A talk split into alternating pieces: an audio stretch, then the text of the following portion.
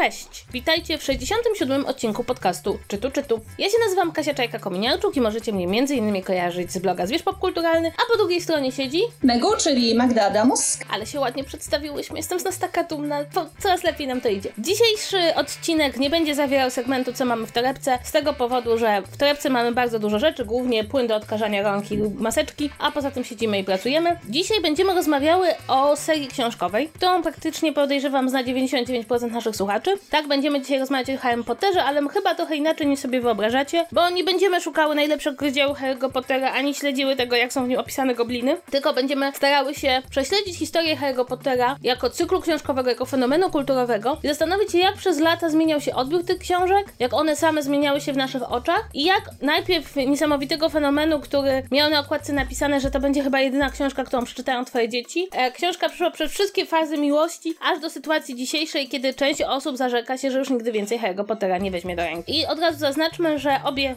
obie oczywiście czytałyśmy Harry'ego Pottera, obie na jakimś chyba poziomie możemy uznać, że była to dla nas w pewnym momencie książka ważna, ale to nie jest podcast o nas, tylko to jest podcast o fenomenie książki, która wyszła 22 lata temu, wyszedł pierwszy tom. O rany, ty to tak policzyłaś? Znalazłam artykuł z 2018, który mówił, to wyszło 20 lat temu. Miałam takie, Boże, jestem stara, czas umierać. Ale rzeczywiście jest to książka, która, i to wydaje mi się jest bardzo ważne, e, pierwsze tomy pojawiły się w latach 90 pod koniec lat 90. Chociaż w Polsce to był bodajże rok 2000, więc mieliśmy lekkie opóźnienie. I tak, będziemy sobie też troszeczkę rozmawiać o tym, jak same filmy zmieniły odbiór książki. Ponieważ ja nie ukrywam, że mnie do zaproponowania tego tematu natchnęło to, że ostatnio wszystkie filmy trafiły na Netflixa, więc wobec tego ja sobie zrobiłam ogromną powtórkę z tych wszystkich filmów, również z niektórych książek. Będziemy mogły przejść teraz już do konkretów, bo nie wiem, jak ty do tego podchodzisz, ale ja pamiętam, że na samym początku, ponieważ internet był o wiele mniejszy i fandom dopiero się rozwijał, tej krytyki jako takiej ze strony fanów, krytyki autoświadomej, skupionej na analizie tekstu było bardzo mało w fandomie, o wiele więcej na pewno w takich kręgach akademickich. Za to były innego rodzaju kontrowersje niż mamy teraz. Skądinąd wciąż można stwierdzić, że to były kontrowersje oparte na światopoglądzie, ale wtedy mówiło się bardziej o takich rzeczach jak okultyzm, jakieś negatywne przesłanie, które może ukrywać e, Harry Potter jako książka zawierająca magię i postacie czarodziejów, chociaż bardziej w Ameryce niż u nas mam wrażenie. To jest bardzo ciekawe, bo książka się ukazała w 99 roku bodajże, 98-99 w Stanach Zjednoczonych. Jest taki, taki dokument, który sprawdza, jakie książki są najczęściej zakazywane w Stanach i tam Harry Potter od razu wleciał na tą listę bardzo wysoko. Rzeczywiście spodziewano się, że narracja, która opowiada o przechodzeniu do cza e, świata czarodziejów i o w ogóle o wspaniałym świecie magii bardzo negatywnie negatywnie wpłynie na dzieci, zwłaszcza, że był to hit wydawniczy. I to hit, wydawniczy zupełnie na niespodziewaną skalę. To znaczy, zanim Harry Potter się pojawił na półkach, to mówiono o tym, że właściwie literatura dziecięca powoli przestaje mieć sens, bo dzieci nie czytają. Potem pojawił się Harry Potter, pojawiły się kolejne książki i nie dość, że sprzedaż literatury dziecięcej i młodzieżowej wzrosła, to dzisiaj można powiedzieć, że lwia część takich książek, które budzą powszechne zainteresowanie, to właśnie coś pomiędzy, pomiędzy książkami dla dzieci a Young Adult. Ja pamiętam taką bardzo, na samym początku kontrowersje były właśnie światopoglądowe dotyczące tego, że tutaj okultyzm i czary i magia dzieci przeciągną na złą stronę mocy, ale także nie wiem, czy pamiętasz, był taki bardzo mocny, bardzo mocny trend mówienia o tym, że nie, ta książka jest niedobra, ponieważ przedstawia ludzi takich zwykłych, pozbawionych magii jako mugoli. Tak. I że to jest negatywnie przedstawione i że tworzy to w, jakby w świadomości dzieci taki bardzo negatywny obraz świata, gdzie one są te takie niedobre i nieciekawe, natomiast ciekawi są tylko ci, którzy e, parają się magią. No i oczywiście w Stanach Zjednoczonych było to bardziej rozwinięte, ponieważ tamte kościoły protestanckie, a właściwie takie ewangelikalne są wyjątkowo konserwatywne i wyjątkowo wyczulone na kwestie magiczne i w ogóle te, te, tą całą taką sferę paranormalną, którą bardzo odrzucają jako diabelską, szatańską. Ale też w Polsce się to zdarzało. Ja jeszcze się załapałam, e, chodząc do szkoły podstawowej i do gimnazjum na taki moment, kiedy, prawda, na lekcjach religii zdarzało się jakiemuś katechecie e, powiedzieć coś bardzo negatywnego o Harry Potterze i pamiętam, że było bardzo dużo księży, którzy, którzy przestrzegali przed Harry Potterem jako książką także bezbożną, bo rzeczywiście Harry Potter jest napisany bez Boga, to znaczy ta, tamte w ogóle ten aspekt takiej duchowości właściwie nie istnieje. Co nie jest jakby bardzo dziwne, bo ten aspekt duchowości i religijności w powieściach dla młodzieży nie istnieje bardzo często. Oczywiście są takie rzeczy jak Narnia, które są powieściami wybitnie e, osadzonymi w chrześcijańskiej wyobraźni, czy jak Mroczne Materie, które są powieściami opowieściami wybitnie ateistycznymi, ale Harry Potter podąża po prostu zwykłym tropem powieści przygodowej dla młodzieży, gdzie ta duchowość nie jest na pierwszym planie. Jedynym, jedynym takim elementem nawiązującym, można tak uznać, w jakikolwiek sposób do religii, było to napom napomknienie, że Syriusz jest ojcem chrzestnym Harego, a jeżeli jest ktoś ojcem chrzestnym, to o jakim chrzcie właściwie tutaj mówimy? Ja pamiętam z mojego otoczenia, że właśnie w tamtym okresie tego pierwszego boomu na popularność Harry'ego Pottera, jeżeli byli jacyś dorośli sceptycznie nastawieni do, do całej serii, to ich sceptycyzm wiązał się z tym, że były to często osoby o konserwatywnych poglądach. Gdzieś usłyszeli, że książka może być potencjalnie dla młodszego czytelnika niebezpieczna. Dlatego, o czym ty mówisz, że Mugole są tam przedstawieni jako postacie negatywne, bo mamy rodzinę Dursleyów jako jedyną właściwie przedstawioną z bliższa e, rodzinę, która dla Harego jest bardzo niedobra, a ci wszyscy ludzie, którzy posługują się magią, którzy są magiczni, są pokazani jako ci lepsi. Lepsi dlatego, że są głównymi bohaterami, nie żeby wśród magicznych ludzi nie występowali ludzie, którzy są po prostu źli, jak na przykład Malfojowie, ale generalnie chodziło o to, że bali się, że to negatywne przedstawienie normalnych ludzi jeszcze bardziej może dziecko popchnąć w kierunku zajęć i czarodziejstwem, dlatego że e, no, jedni są pokazani negatywnie, a drudzy pozytywnie. I paradoksalnie to była ta rzecz, która w moim środowisku mnóstwo dorosłych popchnęła do tego, żeby w ogóle po książki sięgnąć i oni wtedy e, mogli zweryfikować te swoje nastawienie. Niektórzy rzeczywiście je, e, pamiętam, zmienili, że jednak zobaczyli, że to są e, bardziej książki przygodowe niż jakiekolwiek książki namawiające do złego. Taka perspektywa, która też się pojawiała bardzo szybko i wynikała w dużym stopniu z popularności serii, z tego, że w pewnym momencie te książki były wszędzie, to przekonanie głębokie, że Harry Potter jest chwytem marketingowym, stworzonym po to, żeby przyciągnąć młodych ludzi. E, ja pamiętam osobiście, że bardzo dużo osób mówiło o tym Harry Portfel. To było bardzo ciekawe, dlatego że bardzo wiele osób, które podchodziły do Harry Pottera nie czytając książek, miało założenie, że ponieważ te książki są zaplanowane, jakby nie jest to jedna powieść, tylko to jest cykl książkowy, no to ten cykl książkowy był taki moment, kiedy jakby cykle książkowe, rozpisane na bardzo wiele tomów, kojarzyły się albo z bardzo słabą fantastyką, albo z romansami, albo z takimi wydawanymi w takich książeczkach, sagami, różnymi, nie wiem, sago o ludziach lodu. I założenie było takie, że jakby dobry autor pisze jedną książkę, ewentualnie jedną taką fabułę, którą się rozbija potem na kilka tomów. Natomiast jeśli ktoś dopisuje ciągle kolejne tomy, no to przecież robi to jasne dla kasy. I to jest bardzo ciekawe, bo to był taki argument, który właściwie wychodził z założenia, że skoro jest to powieść młodzieżowa, która odniosła sukces, no to gdyby to był naprawdę dobra książka, to to był jeden tom. A co to znaczy? Jest jeszcze jeden, jeszcze jeden i będzie ich w ogóle siedem.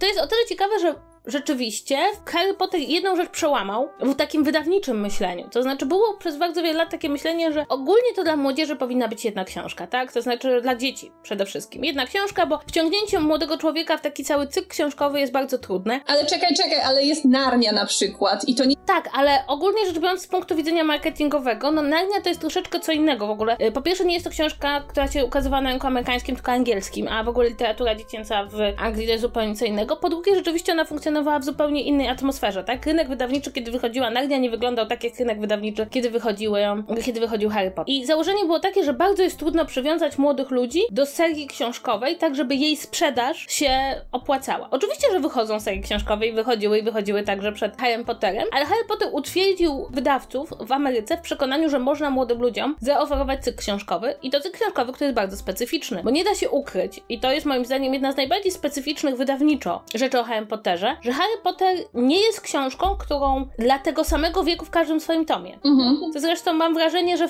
teraz prowadzi do pewnego problemu, bo kiedy myśmy, czy ci młodzi ludzie zaczynali czytać Harry Pottera wtedy, w latach, na przełomach lat 90. i 2000, to fakt, że kolejne książki były dla coraz dojrzalszego czytelnika nie stanowił problemu, ponieważ czytelnik rósł razem z książką. Natomiast problem polega teraz na tym, ja to bardzo widzę, że rodzice czy młodzi, czy dzieciaki, które chcą sięgnąć po Harry Pottera, no jest problem. Albo jest się za starym na pierwsze tomy i czyta się najpierw literaturę literaturę, no dziecięcą, bo pierwsze tomy Harry Pottera to jest literatura dziecięca, która się morfuje w literaturę młodzieżową, albo bierze się dziecko, czyta mu się dwa pierwsze tomy, a potem się mówi, no to troszeczkę poczekamy teraz. No ja mam chociażby taki przykład teraz z mojej rodziny, ponieważ moja bratanica ma lat 8 i w tym momencie zaczyna mieć szał na Harry'ego Pottera i oczywiście rodzice starają się jej te części kolejne dawkować, ponieważ w pewnym momencie, zwłaszcza jeżeli chodzi o przeskakiwanie z książek na filmy, robi się o wiele zbyt mrocznie, zwłaszcza dla dziecka, które może być yy, dosyć wrażliwe na niektóre bodźce, więc trzeba sobie wyznaczyć taką granicę, do którego roku podaj podajemy dziecku który tom. I ja doskonale rozumiem te, ten dylemat, bo sama teraz oglądając filmy zastanawiałam się, który z nich byłby już dla Marysi, a który jeszcze nie. I myślę, że ta granica między drugim a trzecim filmem to jest właśnie ten moment, w którym wielu rodziców się zatrzyma. Tak, zresztą akurat jeśli chodzi o filmy, to, to jest bardzo wyraźna różnica w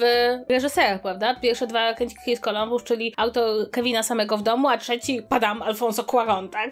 Jeśli chodzi o filmy, to zawsze mnie strasznie bawi. Ale w każdym razie, jeśli chodzi o tą serię wydawniczą, no to to pokazało, że rzeczywiście serie wydawnicze kierowane do młodzieży mają zdecydowanie sens. I potem widzieliśmy cały rozkwit serii wydawniczych. Więc to są takie jakby, wydaje mi się, pierwsze etapy, tak? To znaczy, to są takie etapy, że z jednej strony mamy ten Harry Potter okultyzm, z drugiej strony mamy ten olbrzymi entuzjazm, taki typowo marketingowy także, odnośnie serii książkowej, że to jest ta seria, którą dzieciaki czytają i chcą ją czytać. Z trzeciej strony mamy to podejrzenie, że ta książka tak naprawdę jest tylko i wyłącznie próbą takiego bardzo przemyślanego marketingowego wyciągnięcia pieniędzy, co może się brać z faktu, że pierwszy tom właściwie stał się sławny nie dlatego, że był aż tak dobry, tylko dlatego, że został kupiony za prawa do wydania go w Stanach Zjednoczonych, został kupiony za niesamowitą sumę, jeśli weźmiemy pod uwagę, że był to debiut i to debiut w literaturze dziecięcej i potem rzeczywiście ta strategia marketingowa w Stanach Zjednoczonych została przeprowadzona tak, jakby to nie był debiut e, literacki i to debiut e, w zakresie literatury młodzieżowej czy dziecięcej, tylko jakby to była bardzo ważna publikacja, to znaczy było dużo wydarzeń, te książki leżały w bardzo dobrze wyeksponowanych miejscach, były reklamy, więc rzeczywiście to,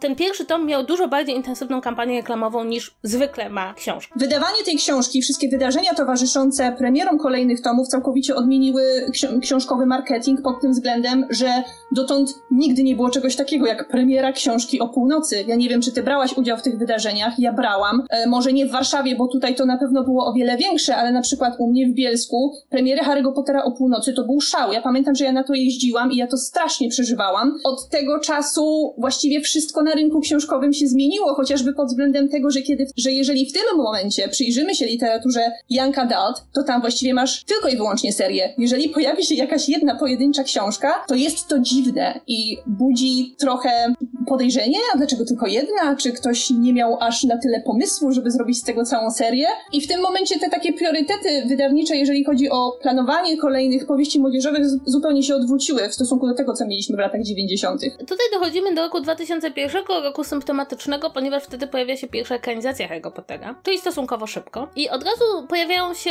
dwa czy trzy problemy. Pierwszy to taki, który jest problemem no, z punktu widzenia twórców ważny, ale także będzie ważny z punktu widzenia odbiorów. To znaczy, o ile treści dwóch pierwszych czy trzech pierwszych książek spokojnie mieszczą się w takim półtora, dwugodzinnym filmie, który można zaprezentować dzieciakom, o tyle treści kolejnych książek będą coraz dłuższe i coraz bardziej nie będą pasowały e, do tego formatu filmowego, co w ogóle wymusi zrobienie podwójnego filmu przy ostatnim tomie, ale oznaczać to będzie, że twórcy filmowi będą z każdym tomem wyrzucali coraz więcej treści, coraz więcej wątków, a ponieważ, i to jest drugi problem, filmy mają dużo większą pulę odbiorców niż książki wciąż, to bardzo dużo osób będzie odbierało Harry'ego Pottera, tą historię wyłącznie przez pryzmat tego, co widziało w filmach i będzie zresztą w ogóle pamiętało, nawet jeśli czytali Pottera, będzie najlepiej pamiętało te wątki, które się pojawiły w filmach, a filmy nie są stuprocentowo wierne i bardzo dużo wątków pobocznych albo skracają, albo wyrzucają. No i trzecia rzecz, która wydaje mi się tutaj jest ważna także z punktu widzenia takiego odbioru już emocjonalnego, ponieważ casting do Harry'ego Pottera robiono trochę na zasadzie The Best of British Cinema, to bardzo wiele ról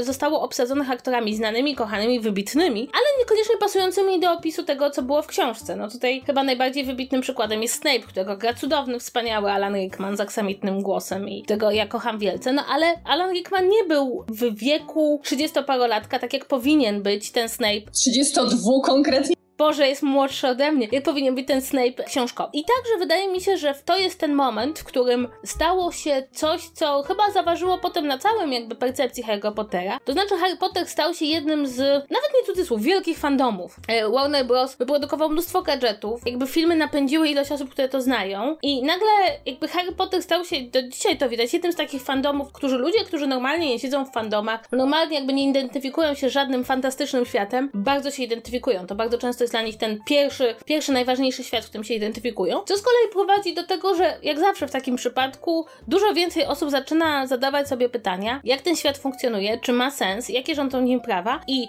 wydaje mi się dosyć istotne, żeby powiedzieć, tak jak świat przedstawiony w książkach młodzieżowych, a zwłaszcza w książkach dziecięcych, tak jak są pierwsze tomy, nie zawsze jest tworzony tak, żeby ludzie go potem tak. analizowali na każdym poziomie. Jest tworzony tak, żeby trochę służył fabule, żeby był interesujący. Natomiast im więcej osób jakby wchodzi do tego świata, tym więcej osób zaczyna zaczyna zadawać mu pytania. No i rzeczywiście odpowiedzi na te pytania są albo nielogiczne, albo problematyczne, albo nie daj Boże, i to jest chyba najgorsze, odpo odpowiedzi na te pytania udziela autorka z Twittera i to już jest w ogóle chyba ta blisko tego ostatniego etapu, na którym jesteśmy. Ale zajmijmy się może tym elementem analizowania tego świata, bo wydaje mi się, że to jest taki etap, który zaczął się gdzieś kilka, kilkanaście lat temu i trochę sprawił, że zmieniliśmy naszą postawę względem tych książek. To znaczy, on na pewno miał związek z tym, że troszeczkę patrząc teraz z mojej osobistej perspektywy, gdzieś tak na przełomie piątej książki, bo to była ta pierwsza książka, w której weszłam tak totalnie w ten fandom, że internet na tym, na tym etapie już był na tyle rozwinięty, że rzeczywiście ludzie kochający Harry'ego Pottera mogli się zrzeszać i jednoczyć i wspólnie analizować konkretną treść. I o ile jeszcze, kiedy mówimy o piątej, szóstej, siódmej książce, kiedy mieliśmy wciąż tą możliwość, że wyjdzie następny tom i on nam wyjaśni niektóre rzeczy, to tych dyskusji nie było aż tak dużo. W momencie, kiedy cała seria została zamknięta i kiedy mogliśmy spojrzeć na nią jako na pełną całość, w tym momencie zaczęliśmy zadawać jeszcze więcej pytań, ponieważ cały materiał mieliśmy przed oczami i zaczęliśmy dostrzegać pewne niespójności, czegoś tutaj brakowało, coś było niewyjaśnione, tu się pojawiło jakieś zdanie, które właściwie nie miało żadnego wpływu na budowę tego świata. Niestety czasami mam wrażenie, nie, czekaj, to nie jest wrażenie. Ja jestem po, po prostu takiego zdania, że uciekamy za bardzo w tą retorykę, której używa na przykład taki kanał Cinema Sins, który bardzo się czepia dziur fabularnych i rzeczywiście doszukuje się ich wszędzie. Ale jest kwestia tego, o czym ty mówiłaś, że Harry Potter zaczynał jako książka typowo dziecięca, czasie pisania której podejrzewam, że Rowling nie miała zupełnie świadomości tego, jak bardzo ona będzie rozbierana na części składowe i jak bardzo wtedy, w latach 90.,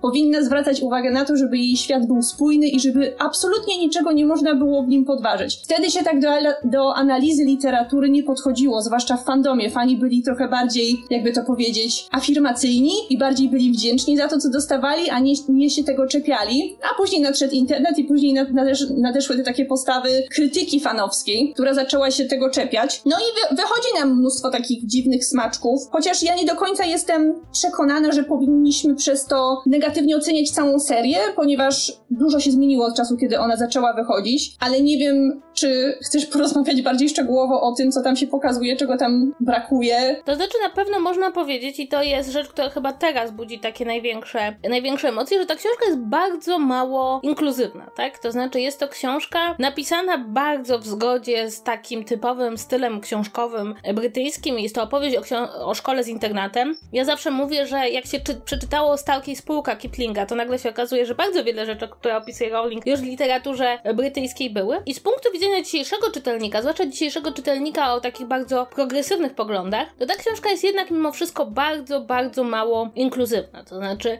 wszyscy tam się łączą pobożnie w pary heteroseksualne i to jeszcze w szkole średniej. Są postacie, które nie są białe, ale tak naprawdę to są tylko bodajże 3 czy 4 postacie na przestrzeni całej książki. No i to też są, nie są postacie na pierwszym planie, tak? Cały pierwszy plan to są biali anglosasi. Zwraca się uwagę na kwestie finansowe, to, że na przykład na samym początku początku jednak jest trochę mówione o problemach finansowych rodziny Rona, ale potem to właściwie, e, to właściwie gdzieś znika i jesteśmy w takim świecie no dosyć dobrobytu. Jest zwrócona uwaga na to, że jest to książka niesłychanie e, anglo, czy właściwie brytyjsko-centryczna, gdzie jakby jedyne elementy ze świata spoza, spoza Wielkiej Brytanii, no to dowiadujemy się, prawda, o szkole w Bułgarii, która to ewidentnie Bułgaria jest krajem zimnym i, i to mnie bardzo zawsze bawi, czy o szkole z Francji, natomiast jednak mimo wszystko Anglia staje się tym centrum świata, wokół którego wszystko się toczy. I mam takie poczucie, że dzisiaj, dzisiaj ta książka rzeczywiście chyba nie mogłaby w ten sposób wyglądać, albo przynajmniej bardzo dużo osób, o, mam takie poczucie, bardzo dużo osób uważa Harry'ego Pottera za książkę bardziej istotną niż inne książki, które przeczytali w życiu. Albo jest to jedna z tych pierwszych książek, które sprawiły, że pokochali literaturę. Albo jest to książka, która miała na nich jakiś formacyjny wpływ. Albo jest to książka, którą kochali bardzo będąc dziećmi czy, czy młodymi ludźmi. I dzisiaj wracając do niej, szukają w niej takiej książki trochę idealnej. To znaczy książki, która miałaby w sobie wszystkie te elementy, których pragną od kultury popularnej. I właśnie kiedy napotykają na powieść, która nie jest tak bardzo inkluzywna, i to też dlatego, że powstała 20 lat temu, ale też dlatego, że mam takie poczucie, bardzo zmieniły się nasze wymogi względem in inkluzywności literatury, to odbijają się nagle od tego, że, że to nie jest jednak książka idealna. To, to nie jest ta książka, która spełnia ich wszystkie wymogi. Co gorsza, myślę, że wiele osób byłoby się w stanie z tym pogodzić. No gdyby nie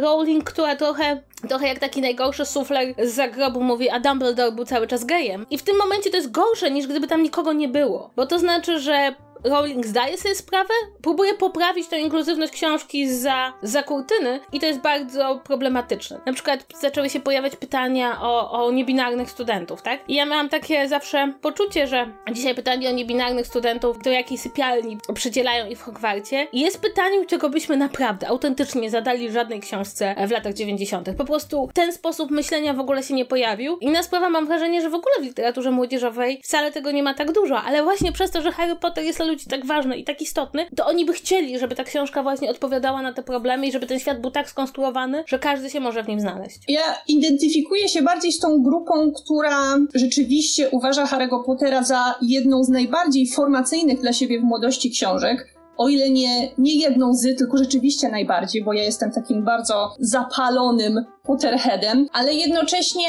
staram się zdawać sobie sprawę z tego, że narzucanie jej tego naszego, tej dzisiejszej perspektywy, wielkiej otwartości i takiego bardziej powszechnego poczucia społecznej sprawiedliwości niekoniecznie służy dobrze ocenie książki, która zaczyna, ocenie całej serii, która zaczynała wychodzić w latach 90. Jednocześnie rozumiem ludzi, którzy tak robią, ponieważ, tak jak powiedziałaś, jeżeli coś kochamy tak bardzo z dzieciństwa, to tak bardzo chcielibyśmy w tym odnaleźć siebie, ale nie oceniałabym aż tak krytycznie całej serii pod tym względem. Oczywiście łatwiej byłoby mi to powiedzieć i nie czułabym takiego wewnętrznego zgrzytu, gdyby autorka jednocześnie przez cały czas swoim zachowaniem nie potwierdzała, że jednak coś tutaj jest nie tak. Więc staram się te dwie kwestie oddzielić. Ale jednocześnie myślę, że warto wspomnieć o takich rzeczach, że po tym jak Harry Potter już cały wyszedł i zaczęły się pojawiać głosy na ten temat, że, że mało było tam tej inkluzywności, że brakowało niektórym reprezentacji na przykład postaci o innym kolorze skóry niż biały,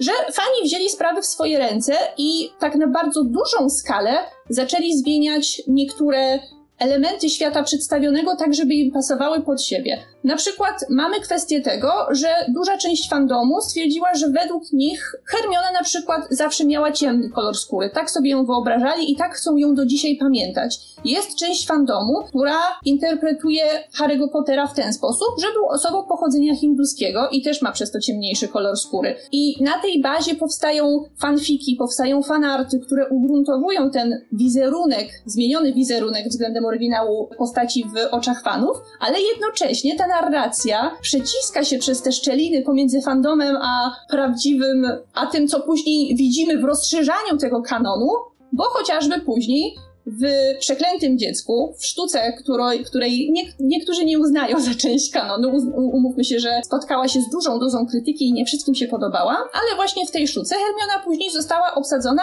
aktorką o czarnym kolorze skóry, tak samo jak e, obsadzone w ten sposób zostały jej dzieci, więc w jakiś sposób przełożyło się to później na to, jak y, świat Harry'ego Pottera był formowany tak oficjalnie. To znaczy, wydaje mi się, że to jest jedna rzecz, o której tutaj musimy powiedzieć. To jest moim zdaniem problem wynikający bar w bardzo dużym stopniu z ekranizacji. To znaczy, powiedzmy sobie szczerze, jak czytamy książki, to za to, jak będą odpowiadali bohaterowie, niezależnie od tego, co pisze autor, odpowiadamy my sami. Jeśli chcemy, żeby Harry Potter wyglądał tak, a nie inaczej, Hermiona tak, a nie inaczej, nie ma problemu. Nasza wyobraźnia jest tutaj, jest tutaj naszym władcą jakby świata i jeśli gdziekolwiek Rowling pisze, że Hermiona miała oliwkowy kolor skóry, to spokojnie możemy zrobić z niej śniadą czy czarnoskórą dziewczynę i możemy sobie w ten sposób sami sobie tą historię opowiedzieć. Problem jest film. Film konkretyzuje wizję. W filmie obsada jest biała. To są te twarze, które widzimy. Chociaż nie wiem, czy wiesz o tym, była jedna aktorka, która w pierwszym filmie została obsadzona jako osoba czarnoskóra, chociaż to wydaje mi się, że to była Lavender Brown. Lavender Brown, bo potem była na pierwszym planie, tak. Jest tak podpisana w kredytach, a później została zmieniona na białą aktorkę. Ponieważ była love interest Rona, a przecież nie mogła być czarnoskóra. Ale z kolei teatr, o którym mówisz, teatr działa na zupełnie innej zasadzie. W brytyjskim teatrze bardzo często jest tak, że postacie przez lata kodowane jako białe grają czarnoskórze aktorzy, ponieważ teatr brytyjski jednak no stara się tutaj po prostu, jeśli jesteś dobry do roli, to grasz rolę du w dużo większym stopniu niż jakiekolwiek przedsięwzięcie filmowe. I tutaj ty wspomniałaś o fanfikach. Ja mam wrażenie, że fanfiki są bardzo istotnym elementem zmieniającym percepcję całej serii. E, zmieniający dlatego, że po pierwsze niektóre postacie są bardziej ukochane przez autorów fanfików niż inne. Tutaj Draco Malfoy wydaje mi się jest taką jedną z postaci, które tyle odkupienia, ile on spotkał w fanfikach, co, co żaden inny bohater. Podobnie Snape, który jest reinterpretowany wielokrotnie. Natomiast wydaje mi się, że fanfiki, zwłaszcza w przypadku Harry'ego Pottera, które są to jest chyba jeden z największych grup fanfików, jakie powstaje, to one pokazały ludziom i są dla wielu ludzi dowodem na to, że ten świat Rowling jest tylko takim punktem wyjścia, który mogą dowolnie zmieniać, modyfikować, dopisywać swoje rzeczy. I wydaje mi się, że ta postawa właśnie takiego, okej, okay, weźmy ten świat Rowling, który bardzo kochamy, ale go poprawmy, sprawia, że potem jak się wraca do oryginału, który bardzo wielu tych dodanych elementów nie ma, to on jeszcze bardziej razi bo mam takie poczucie, to znaczy tak widzę, że bardzo, bardzo wiele osób dzisiaj wypowiada się na temat rzeczy związanych z Harry Potterem na zasadzie, okej, okay, książki książkami, ale moimi ulubionymi tekstami związanymi z Harry Potterem są te czy te fanfiki, które dużo ciekawiej roz, rozwijają pewne kwestie, czy uzupełniają świat, elementy, których tam nie ma, bo rzeczywiście, e, o czym ja się zgadzam, że ten świat jest dziurawy, strasznie. I to ja pamiętam, że nawet w czasie czytania miałam takie poczucie, że na przykład jak to ostatnim poziomem edukacji szkoła średnia. Bo chociażby kwestia tego, czy naprawdę im w życiu nie są takie potrzebne nie, nie, są potrzebne takie przedmioty, których my używamy na co dzień, jak choćby matematyka, czy oni później potrafią policzyć te wszystkie składniki do eliksiru. W ogóle wyrzucenie z tego naszego całego segmentu edukacji w takich kwestiach chociażby chemicznych i fizycznych zawsze było dla mnie niezrozumiałe, ale w kwestii samego światotwórstwa, rzeczą, nad którą bardzo boleję, może nie dlatego, że to jest wielka dziura fabularna, ale dlatego, że to jest trochę niewykorzystany potencjał. Jest to kwestia tego, jak świat czarodziejów przenikał się ze światem ludzi. To że w książce jest bardzo mało powiedziane na ten temat. Ostatnio wspominałam, że moim ulubionym rozdziałem jest ten, w którym minister magii przychodzi do brytyjskiego premiera i dlaczego to nie jest rozwijane. To można tyle fajnych wątków na tej podstawie oprzeć i jednocześnie wzbudzają one tyle wątpliwości w czytelnikach, bo książka sugeruje, że świat czarodziejów bardzo opresywnie potrafi wpływać na politykę ludzi, chociażby podkładając tam swoich agentów, którzy mogą wpływać na to, jakie decyzje podejmują ludcy politycy i to było dla mnie zawsze dziwne i żałuję, że to nie jest e, w ogóle rozwinięte. Ale powiedziałaś o Snape'ie i ja właśnie chciałam zahaczyć trochę o temat Snape'a, ponieważ wydaje mi się, że z biegiem lat ta postać przeszła taką największą zmianę perspektywy, jeżeli chodzi o jej ogólną ocenę, bo w momencie, kiedy mamy koniec siódmej części, mamy finał całej serii, to Snape okazuje się być tą postacią, która przeszła największe odkupienie i okazuje się być tym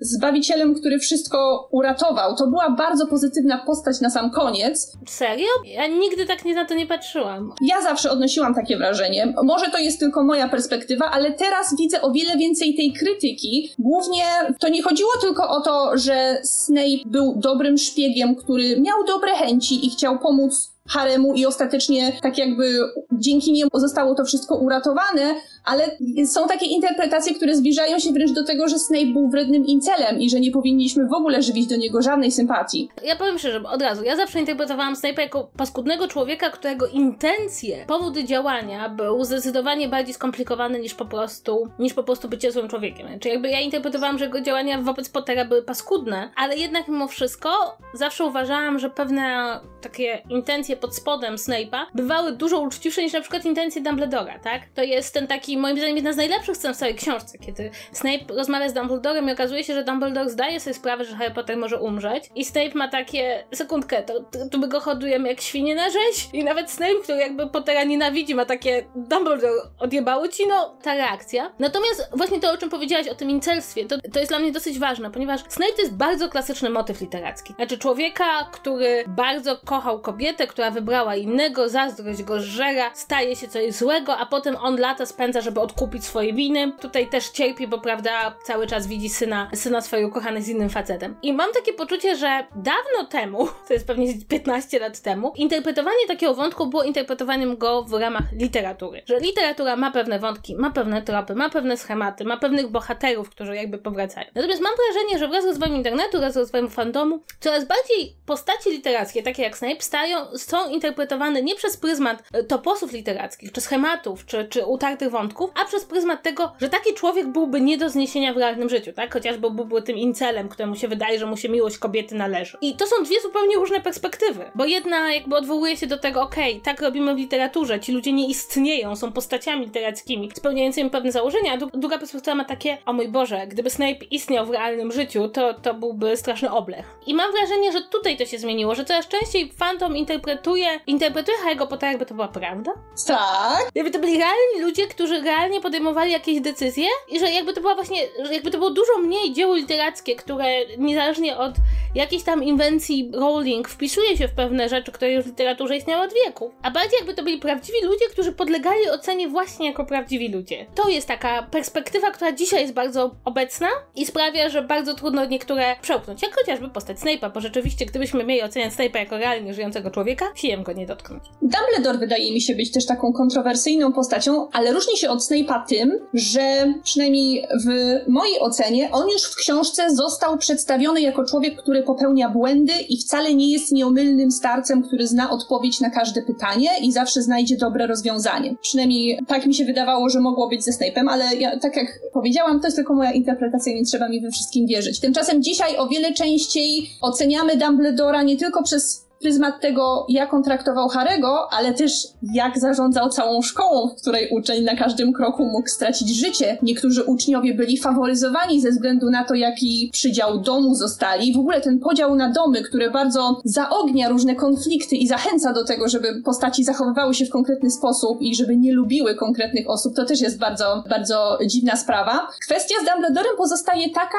że autorka próbowała wybielić niektóre jego zachowania, właśnie dopisując mu pewne backstory dopiero po zakończeniu książki, tak jak ty powiedziałaś, za kurtyny. I to mi trochę zakrzywia możliwość oceny tej postaci. No bo tutaj już zaczynamy sobie zadawać pytania o to, czy musimy tłumaczyć jego motywację tym, że był postacią homoseksualną, tak jak uznała Rowling już po wydaniu całej serii. Czy to nam zakrzywia jego obraz, czy jednak nie powinniśmy w ogóle uznawać, że to ma, że to ma znaczenie w ocenie jego postaci? Bo tutaj przechodzimy do tego, że w wątku Dumbledora z Grindelwaldem pojawiają się wątki rasistowskie. Tam mamy kwestię tego, że czarodzieje są lepsi od ludzi, i to jest to, czego się bali wszyscy przeciwnicy Harry'ego Pottera, że czarodzieje są lepsi od ludzi, powinni nad nimi panować i powinni tym maluczkim głupkom pokazać, jak powinno się żyć. I jeżeli mamy tą kwestię homoseksualizmu, to można tutaj interpretować to w taki sposób, że on był zwiedziony w jakiś sposób przez, przez Grindelwalda, który próbował go uwieść. Jeżeli odpada nam ta kwestia homoseksualizmu,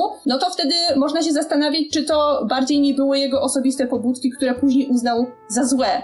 Więc te elementy, które nam rzutują w tym momencie na ocenę całej książki, ocenę niektórych wątków, które zostały dodane po tym, jak książka się już zakończyła, to to jest dziwne. Jednocześnie jest to dziwne, a z drugiej strony jest to zjawisko, które nie pojawia się chyba przy żadnej innej serii książkowej, która byłaby aż tak popularna. Ja nie wiem, bo ja nie śledzę też co piszą autorzy innych książek. Może też dopisują mnóstwo rzeczy, tylko my tego nie śledzimy, bo nie są Rowling. Natomiast w przypadku Dumbledora to ja mam w ogóle takie, jestem o tyle zaskoczona, że dla mnie Dumbledore w książkach wypada bardzo dwuznacznie i ma, zawsze miałam wrażenie, że to jest intencja autorki. I ponownie mam wrażenie, że tą dwuznaczność, tam jest jakieś świetne zdanie jego brata, że ludzie, których Dumbledore kocha, mają taką dziwną przypadłość, że wcześniej umierają. I mam, I mam takie wrażenie, że ta dwuznaczność postaci Dumbledora bardzo wyleciała w filmach. Oj tak. To jest ponownie ten sam problem, to znaczy czasem jest tak, że naszą percepcję bohatera zmienia jedno czy dwa zdania w książce i te jedno czy dwa zdania nie zawsze przekładają się na film, a filmy, znaczy filmy po prostu mają szerszy, szerszy obieg, zresztą filmy jakby oglądamy częściej niż czytamy książkę. Możemy sobie, nie wiem, ostatnią część Harry Pottera obejrzeć 10 razy w ciągu dnia, prawie, e, natomiast nie przeczytamy 10 razy książki. I tu ja bym doszła do tego etapu,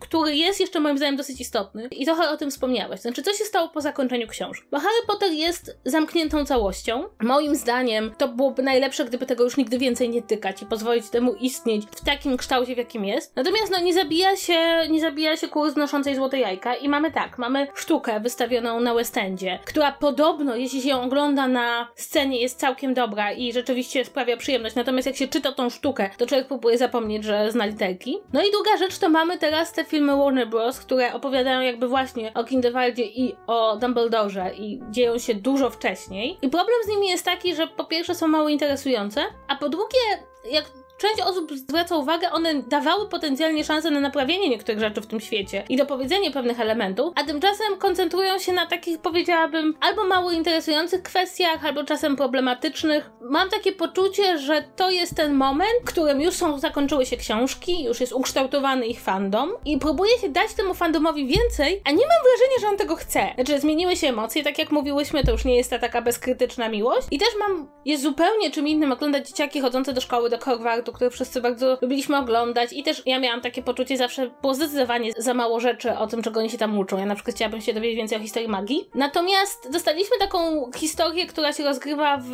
takiej atmosferze trochę wojennej, takiego nadchodzącego konfliktu, już o dorosłych zupełnie ludziach. To nie jest do końca to, czego ludzie chcieli, a jednocześnie pojawienie się tych elementów sprawia, że widzimy, że to nie jest taki świat, w którym nie da się opowiedzieć nudnej historii, czy historii, która jest mało poruszająca, czy to nie jest taki świat, którego nie da się zniszczyć ciągle, ciągle jeszcze dopowiadając. I rodzi się taka podwójna pretensja z jednej strony do, do Warner Bros., czy do ludzi, którzy mają prawa do ekranizacji, że kurczę, no przestańcie, tak? Widzieliśmy już prequele Gwiezdnych Wojen, to nie wychodzi na dobre, a z drugiej strony też już zupełnie taka literacka pretensja do Rowling, że tak jak ją przez lata broniliśmy, że ona ma bardzo spójny plan tej serii książkowej i że nie sięga po kasę, ilekroć to się oferuje, nagle okazuje się, że to nie była do końca prawda. I że ona jest w stanie snuć tę historię tak długo, jak długo ktoś będzie chciał je tam ekranizować. I to nawet nie są historie książkowe. I tutaj też mam poczucie pewnej zdrady, bo gdyby Rowling, powiedzmy, napisała sążnistą powieść o młodości Dumbledora, to myślę, że byśmy się na nią wszyscy rzucili. Ale fakt, że to są filmy, które w przypadku moim zdaniem Harry Pottera są w ogóle w zupełnie innej kategorii niż książki, bo ile książka misam jest fenomenalna, o tyle filmy bardzo rzadko są fenomenalne, a już ostatnie są beznadziejne moim zdaniem, to jakby jest takie poczucie, kurczę, no to, to, jednak, to jednak się okazał trochę Harry Potter. Ja się zgadzam, przy czym yy, doszłyśmy do wniosku, że cała seria była pisana dla odbiorców, którzy dorastali razem z kolejnymi tomami i zastanowiłabym się nad tym, czy właśnie te filmy ostatnie, czyli fantastyczne zwierzęta i jak je znaleźć, nie są właśnie głównej mierze kierowane do tych ludzi, którzy na Harry Potterze się wychowali i teraz jako dorośli mogliby po pooglądać przygody dorosłych. To, czy one są dobrej jakości, to już jest kwestia sporna. Jednak myślę, że ogólny pogląd jest na to taki, że, że nie. Ja jako e, zaciekły Potterhead też nie jestem wielką fanką tych filmów, zwłaszcza po ostatnim. I tutaj też dochodzimy do ciekawego zjawiska, to znaczy w tym momencie czekamy na trzecią odsłonę fantastycznych zwierząt, która jest w tym momencie już trochę odkładana, a jednocześnie można zauważyć, że tak naprawdę z tych najbardziej oddanych fanów mało osób na nią czeka. I to się niestety wiąże z kolejnymi kontrowersjami, bo w związku z Harrym Potterem kontrowersje nigdy się nie kończą, ale myślę, że w tym całym temacie jednak powinnyśmy trochę o nich wspomnieć. To chodzi o najnowsze wypowiedzi J.K. Rowling i to, co ona, chodzi o jej postawę, którą przyjmuje na Twitterze, która w niesamowity sposób rzutuje na to, jak fani w tym momencie zaczynają odbierać jej dzieła i każe sobie wielu ludziom zadawać pytanie, czy, czy, po, czy powinienem czytać Harry'ego Pottera, czy powinienem całkowicie wyrzucić go ze swojego życia. Ponieważ niestety J.K. Rowling e, pozwoliła sobie na parę bardzo niefajnych komentarzy o, o osobach transpłciowych, od których odcięli się właściwie wszyscy inni znani ludzie związani z Harrym Potterem, więc doszło do takiego konfliktu na poziomie produkcyjnym, a to jest kobieta, która ma być zaangażowana w produkcję następnego filmu o fantastycznych zwierzętach. I zaczynam sobie zadawać pytanie, czy to już nie jest ten moment, kiedy można stwierdzić, że tak się za zażyna wielkie franczyzy i tak się traci miłość fanów. Podziały się to rzeczy straszne i ja nie wiem, czy jakikolwiek inny autor posiadający tak ogromną pozycję i tak ogromne wpływy w czasie, kiedy interesuje się popkulturą, tak bardzo strzelił sobie w stopę. To znaczy, trzeba powiedzieć, że w ogóle od lat działalność J.K. Rowling na Twitterze budziła bardzo duże zastrzeżenia wielbicieli książek, ponieważ pomijając już fakt, że Rowling wrzucała, no jakby te wrzutki dotyczące własnej książki, takie głosy z zagrobu i odpowiadała bardzo często w sposób kompletnie, widać było, że ona to wymyśla na bieżąco i że to się nie składa ze światem, no to w ostatnich latach stało się dosyć jasne, że J.K. Rowling Rowling, mimo teoretycznej otwartości swoich powieści, takiego jakby przestrzegania przed dzieleniem ludzi na lepszych i gorszych, no rzeczywiście ma postawy, które no trudno nazwać inaczej jak transfobiczne. I co więcej, zamiast przyjąć pewną narrację, jakby narrację, jakby argumenty ludzi, którzy z nią spokojnie rozmawiają, to dorzuca kolejne, które już w tym momencie są, o ile można założyć, że nie każda osoba jest na tyle otwarta i, i wszystko rozumie, żeby zrozumieć kwestię transpłciowości, to już argumenty dotyczące tego, że terapia hormonalna jest czymś jak terapią konwersyjną dla gejów, to już jest czacha wybucha. No, umówmy się, że to są komentarze w tym momencie już bardzo, bardzo szkodliwe, które mogą e, zaszkodzić konkretnej grupie osób. To już nie jest takie, to są moje opinie, no uznajcie to, że to są moje opinie. To są komentarze wygłaszane przez osobę, która ma ogromną publikę, które dla mnie mogą wyrządzić bardzo, bardzo dużo szkód. Tak, a jednocześnie trzeba powiedzieć, że w ogóle ktokolwiek kiedykolwiek obserwował jakąś zażartą dyskusję na Twitterze, to zdaje sobie sprawę, że Twitter absolutnie nie jest miejscem do tego typu dyskusji już pomijając wszystko, ponieważ no ze względu na, na swoją formę i ze względu na to, jak wygląda, absolutnie uniemożliwia dyskusję, taką pogłębioną, gdzie można spokojnie usiąść, przedstawić argumenty, wyjaśnić. Bardzo szybko z obu stron zamienia się w bardzo agresywne, bardzo takie idące na starcie wymiany zdań. Do tego wszystkiego Rowling zaangażowała się ostatnio i wydaje mi się, że to jest taki jeszcze bardzo y, taką przemyślenia intelektualistów dotyczące tak zwanej cancel culture. To znaczy, że jeśli zrobisz coś złego w social media, zasadniczo rzecz biorąc tutaj um, stawiany jest płot, żeby się od ciebie odciąć. E, no i to, to jest tak, że trochę to jest część intelektualistów, którzy to podpisała, to są na przykład pracownicy naukowi. Margaret Atwood, która, która też się pod tym podpisała. A z drugiej strony jest J.K. Rowling, która za przeproszeniem pieprzy w internecie i jest zła, że ludziom się to nie podoba. Przy czym zaznaczmy, że po tym jak y, niektórzy sygnatariusze tego listu dowiedzieli się o tym, podpisała go też Rowling, zaczęli się z niego wycofywać, ponieważ nie mieli świadomości, kto go podpisuje. Ponieważ sprawa jeszcze trwa i nie wiemy, jakie będą jej konsekwencje, to to jest niestety taki bardzo przykry moment, kiedy stajemy w obliczu sytuacji, że mamy książkę, którą bardzo kochaliśmy, książkę, która nie podejmowała jednoznacznie w ogóle tematyki transpłciowości, ani w ogóle, jakby już powiedzieliśmy to wcześniej, to jest taka bardzo hetero książka. I tu nagle dostajemy autorkę, która okazuje się ma poglądy absolutnie, no, odrzucające i takie, które jej niechęć do dyskusji, jej niechęć do powiedzenia, okej, okay, może, może coś źle nie, może nie rozumiem, może coś źle myślę. Ostatecznie nie wszyscy jakby mają dostęp do wszystkich informacji, a ona się upiera przy swoim i jakby to, co mówiłaś, popada w coraz bardziej niebezpieczne tony. I teraz co zrobić? Jest, są wielkie dyskusje. Część osób mówi, odetnijmy się całkowicie od Rowling, odetnij, odetnijmy się od tego, co daje jej tą siłę, czyli przestańmy ją w, na przykład obserwować na Twitterze, przestańmy kupować rzeczy, które są sygnowane marką Harry Potter, ponieważ to wspiera jej majątek, co daje jej większą siłę i większe poważanie. Rowling jest niesamowicie zamożną osobą w tym momencie. Inne osoby zaczynają pobąkiwać o śmierci autora, co, co jakby im więcej człowiek o tym wie, tym bardziej niestety nie da się powiedzieć, że po prostu, że autor nie ma, nie ma nic wspólnego ze swoją książką, a właściwie jego biografia, jego działania nic nie mają wspólnego. To jest troszeczkę bardziej skomplikowana teoria niż, niż może się wydawać. Część osób, wydaje mi się, że chce zrobić to samo, co przy Orsonie Scottie Cardzie. Orson Scott Card, autor fenomenalnej Grendera i Mówcy Umarłych, w ogóle wszystkich książek o Enderze jest homofobem i to takim homofobem, który daje pieniądze na, na organizacje działające przeciwko, przeciwko gejom. No i mówią, no to jakby, no jeśli jesteśmy w stanie czytać Carda, to może jesteśmy w stanie czytać Rowling. Część osób po prostu robi takie la la la la, nic nie słyszę, Harry Potter jest cudowny. Ja powiem szczerze, ja osobiście nie mam pojęcia co zrobić, ponieważ wydaje mi się, że, że nie wiem co zrobić, autentycznie, nie mam tutaj jednej jasnej odpowiedzi, ponieważ Harry Potter to chyba dla bardzo, bardzo wielu osób jest taka książka, która jest czymś więcej niż tylko powieścią, której można przestać czytać. Z drugiej strony, nie jestem w stanie zignorować faktu, że to, co mówi obecnie Rowling, jest absolutnie przeciwko wszystkiemu, co sądzę o tym, jak powinna się zachować osoba w przestrzeni publicznej, zwłaszcza osoba powszechnie znana. Ale ja nie mam dobrej, dobrej odpowiedzi i wydaje mi się, że jeśli ktoś ma na to bardzo dobrą odpowiedź, jednoznaczną, to albo jest osobą, która po prostu wybiera bycie nieświadomą, albo z kolei jest osobą, dla której Harry Potter wcale tak strasznie dużo nie znaczy i wizja, że nigdy więcej po niego nie sięgniesz, nie jest dla ciebie, nie jest dla ciebie problematyczna. Myślę, że my tutaj w tym odcinku nie damy wam jasnej odpowiedzi na to pytanie, bo też nie jesteśmy od tego, ale też nie, nie chcemy, nie chcemy wam podsuwać gotowych rozwiązań. Ja ze swojej e, takiej bardzo e, pragmatycznej perspektywy, nie wiem, zastanawiałam się nad tym i ja po prostu już te książki mam i równie dobrze mogę żyć w otoczeniu tylko tych wersji, które w tym momencie posiadam, nie muszę już kupować innych, ale będą wychodzić wersje ilustrowane, ale jestem osobą, która często wypowiada się na temat Harry'ego Pottera w swoich social mediach, dorzucając jakieś, jakieś kolejne kamyczki, komentarze do tego, jak odbieram całą serię, czy to na przykład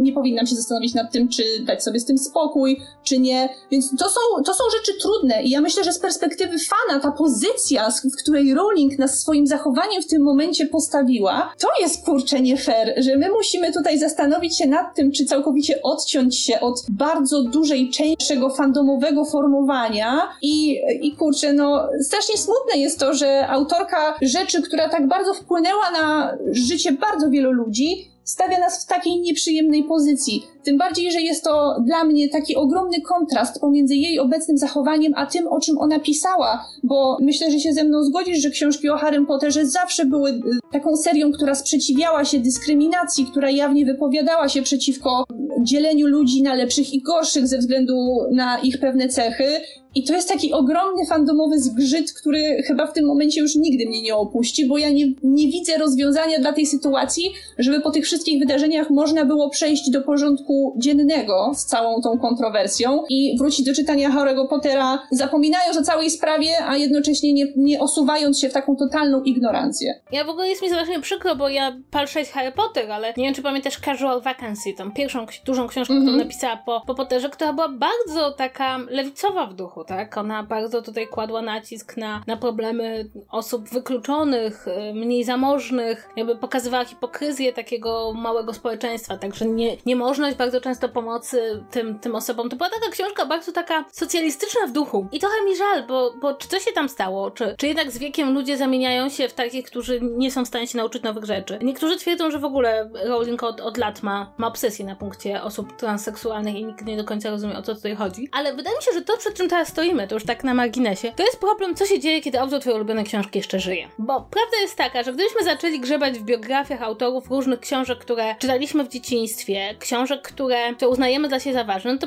to nie byli idealni ludzie. Co prawda nie mieli Twittera, w związku z tym nie mogli wszystkiego powiedzieć całemu światu, ale przecież mieli bardzo często kontrowersyjne poglądy, ale nie żyją. W związku z tym, po pierwsze, nie powiedzą już nic więcej, a po drugie, nie musimy się zastanawiać, jak nasze, nasze działanie względem jakiejś twórczości wpływa na życie jakiejś realnej, żywej osoby, tak? Niezależnie tego, ile kupisz dramatów Szekspira, nic to w życiu Szekspira nie zmieni, bo on nie żyje już od bardzo dawna. Rowling żyje, wypowiada się publicznie, chociaż prawdę powiedziawszy, mam takie poczucie, że gdyby dzisiaj J.K. Rowling wzięła, spojrzała głęboko w swoje serce i skasowała swojego Twittera, to być może byłby to pierwszy krok, żeby odbudować jakąkolwiek pozytywną relację części fandomu z jej, z jej twórczością. I to jest, myślę, takie wyzwanie bardzo ciekawe, pokoleniowe, tak? Ponieważ jest to wyzwanie, przed którym musimy stanąć. To znaczy, pogrzebiemy Rowling, ale to, to by było zbyt ignoranckie. Czy nie będziemy czytać Pottera, póki nie umrze, ale to z kolei brzmi jakoś tak turpistycznie stosunkowo. W każdym razie jest to jakieś wyzwanie, ale wydaje mi się, że ta druga, którą w ogóle przed Harry Potter, i to taka druga, która wahała się od bardzo wielu emocji, od uwielbienia poprzez takie poczucie, że nie powinniśmy go czytać, od takiego ostrzeżenia przed tym, że ta książka jest za bardzo progresywna, czy taka za bardzo otwarta, po sytuacji, w której my jesteśmy bardziej progresywni niż ta książka. To wszystko moim zdaniem jest niesamowicie ciekawa historia i fenomenu, i takiego dorastania z literaturą, i tego, że nasze emocje dotyczące Harry Pottera są tak skomplikowane, ponieważ to dla nas jest trochę naprawdę. To znaczy, nie wiem jak ty, ale ja wiem z jakiego domu ja bym była, gdybym chodziła do Hogwartu. Mnie wszyscy zadają to pytanie, a ja nigdy nie wiem, nie mam swoich ulubionych. Ja absolutnie wiem, że chodziłabym do Hufflepuffu. Ravenclaw jest taki bardziej naukowo nastawiony, ale mam takie poczucie, że Hufflepuff to jest taka moja wrodzona dupowatość. I czasem tak sobie myślę, to jest bardzo ciekawe, że ludzie wokół mnie, którzy są dla mnie najważniejsi, identyfikują się ze Slytherinem. I mam takie poczucie, jakby to była realna cecha osobowości, identyfikowanie się ze Slytherinem. Ale to jest ważna cecha chociażby w internecie. W momencie, kiedy ja robię jakiekolwiek Q&A, to dostaję co najmniej pięć pytań o to, z jakiego domu jestem. Więc dla niektórych to stała się taka bardzo ważna kwestia, jeżeli chodzi o identyfikację i poszukują jakiejś wspólnoty w, w tym zakresie. Dla mnie też bardzo ciekawe jest to, jak bardzo zmienił się odbiór domów na przestrzeni lat, ponieważ na początku wszyscy chcieli być z Gryffindoru, ponieważ główni bohaterowie byli z Gryffindoru, a teraz absolutnie wszyscy chcą być z Hufflepuffu. Ja bardzo mało znam osób, którzy nie chcą być z Hufflepuffu i to jest dla mnie niesamowicie ciekawe. Może dlatego, że o Hufflepuff jest najmniej, można sobie dopisać co każdy, każdy może sobie dopisać co chce, czym jest ten Hufflepuff. Znaczy to jest śmieszne na tyle, że ja wiem, że ja i mój tata jesteśmy z Hufflepuffu, a moja mama i mój brat jest ze Slytherinu i w ogóle nikt u nas w godzinie tego nie kwestionuje. To, to, są, to są fakty. I, I to jest, mam poczucie właśnie, że to jest, co dał Harry Potter bardzo wielu osobom. Nikt się nie pyta, czy czujesz się bardziej hobbitem, elfem czy krasnoludem. Może Władca Pierścieni jest dla nas bardzo istotną książką i jest taką książką, którą większość z osób będących w fandomie przeczytała na jakimś poziomie swojego życia. I mam takie poczucie, że to będzie ciekawe, jak to będzie wyglądało w następnych latach, jak to będzie wyglądało i tutaj ja jeszcze nie mam do tego dostępu, właśnie tak jak ty masz tą siostrzenicę czy bratanicę, która ma 8 lat i dopiero wchodzi w ten świat w zupełnie innych realiach. Mam takie poczucie, myśmy na przykład nie, nigdy się nie zastanawiali, jak ci młodzi ludzie żyją bez telefonów komórkowych i internetu, bo przecież to się zaczynało w latach 90. Wiadomo było, że tych rzeczy nie ma. A dzisiaj tak człowiek tak patrzy na tych nastolatków i myśli sobie magia magią, a może by to się zadzwonili, nie? Jesteśmy starzy. Tak, strasznie starzy. Ja bym na tym skończyła z wielu powodów. Jeden z najważniejszych jest taki, że jestem stara i muszę iść do pracy, a inny jest taki, że być może, być może właśnie się przygnębiliśmy wszyscy, jacy jesteśmy starzy, przynajmniej spośród słuchaczy. Jeśli macie jakieś do nas sprawy i kwestie, to zawsze możecie do nas napisać na Facebooku, czytu, czytu. E, możecie do nas napisać na maila kontakt małpa czytu, czytu.pl Tak, brawo, Kasia zapamiętała. A jeżeli jakieś konkretne przemyślenie na temat tego odcinka, a myślę, że macie, bo to jest taki, taki temat, na który każdy ma jakieś zdanie, to też możecie z nami się y, tym podzielić w komentarzu, chętnie sobie poczytamy. I i co? Słuchajcie nas dalej na Spotify, na YouTubie, odwiedzajcie nas na Facebooku, odwiedzajcie nas na naszym kanale, polecajcie nas swoim znajomym. I w takim razie usłyszymy się w następnym odcinku. Do usłyszenia. Pa, pa. Pa, pa!